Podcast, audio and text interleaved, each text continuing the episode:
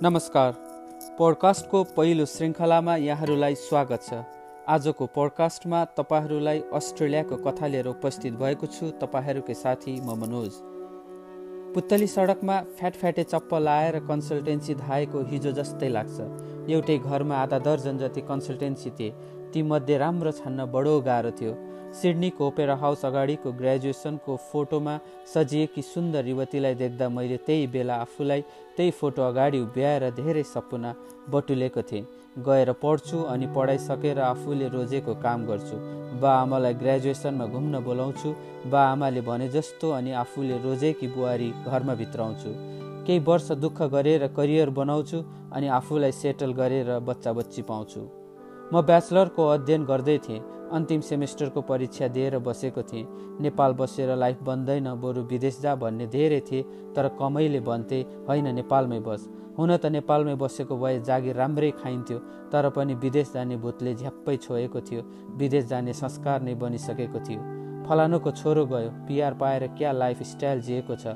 फलानी अस्ति भर्खर गए कि बिहे गरेर क्या लाइफ छ? केटो पिआरवाला परेछ। गएको वर्ष दिनमै क्या उधुमैको घर किनेछन्? घर किनेको देख्छन् तर ती केटाले कसरी पिआर पाए त्यसको पछाडि जाँदैनन्। घरको फोटो देखेर प्रगति गरेको देख्छन्। केटाले कति अन्डर खाए त्यो घर बनाउने अवस्थामा पुग्नको लागि त्यसको लेखाजोखा खासै हुँदैन। खालि तस्बिर बोल्छ अहिलेको समाजमा।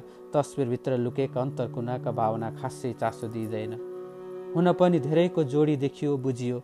जसले सँगै आए पढे दुःख गरे अनि पिआरको लागि सङ्घर्ष गरे तिनीहरू खासै मातिएका देखिँदैनन्। तर जो सेटल भएको केटोसँग बिहे गरेर आए सङ्घर्ष भनेको के हो खासै भोगेनन्। आउन साथ खातामा टन्न पैसा देखे अभावको कुनै अनुभूति गरेनन्। त्यस्ताहरू प्राय साँच्चै टुप्पैबाट पलाए जस्ता भेटिए निमठिएका भोगेपछि थाहा पाइने रहेछ घरमा पैसा माग्दा नदिँदा घरको ढोकालाई सकेको बलले हान्ने म आफूले जब कडा परिश्रम गरेर कमाउन थालेँ अनि थाहा पाएँ त्यो बेला किन पैसा दिन कन्जुसाइ गरेका रहेछन् मेरा बा आमाले घन्टा घन्टा हानी जोगाएको पैसा सर्लक्क कलेजलाई बुझाउँदै गर्दा थाहा पाएँ बा आमा किन रातभर गन्थन गर्थे भनेर किन बिहानै झिसमिसेमा उठेर जान्थे भनेर। हुन त काठमाडौँको त्रिभुवन अन्तर्राष्ट्रिय विमानस्थलबाट पहिलो पटक ठुला हवाईजहाज चढ्दै गर्दा प्राय सबैले अब चाहिँ लाइफ बन्ने भयो भन्ने सोचका साथ जन्मभूमिको माटोलाई स्पर्श गरेर जहाजलाई ढोक्दै उडेका हुन्छन्। उड्दै गर्दा अर्को वर्ष यसो गर्छु दुई वर्षपछि उसो गर्छु पाँच वर्षसम्ममा यति गरी सक्छु भनेर सपनाहरू बुन्दै काठमाडौँलाई फेरो लगाएर उडेका हुन्छन्। थोरैका सपना पुरा हुन्छन् केहीका सपना आधा गाँसमै ढुङ्गा बनेर छताछुल्लो हुन्छन् त केहीका सपना रात आकाशभित्र बिलाएर जान्छन्। सजिलो कहाँ पो हुन्छ र विदेशको बसाइ ती देशका नियमहरू आफ्नै हुन्छन्। पालना गर्नै पर्यो। विदेश भनेपछि डलरको खेती गरिन्छ जसरी सोचेर आइन्छ। एकातिर आउँदाको ऋण तिर्न सकेको हुँदैन।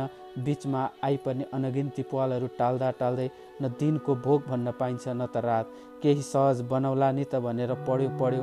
अह झन् गाह्रो बनाउँछ। एक ठाउँमा बल्ल काम कुरोको मेसो मिलेको हुन्छ अनि फलानु गाउँमा गयो भने सजिलो हुन्छ भनेर फेरि पोका पन्तुरो बोकेर हिँड्न पर्छ। एउटाले हो हो भन्छ त्यसकै पछि हैँसे गर्दै दगुर्यो। दगुर्दा दगुर्दै कति वर्ष बित्छ थाहा पाइँदैन। पैसा बोरामा फल्छन् अस्ट्रेलियामा अनि अमेरिका भनेपछि पैसो टिप्न जाने हो त्यहाँ त मान्छेले जुनकै थालमा खान्छन् चौरासी व्यञ्जन नै हसुर छन् भनेर फेसबुकमा अपलोड गरिएका तस्विरमाथि ठुलो भरोसा राख्दा धेरैको अवस्था घरको न घाटको अवस्थामा पुगेको छ। धन्यवाद।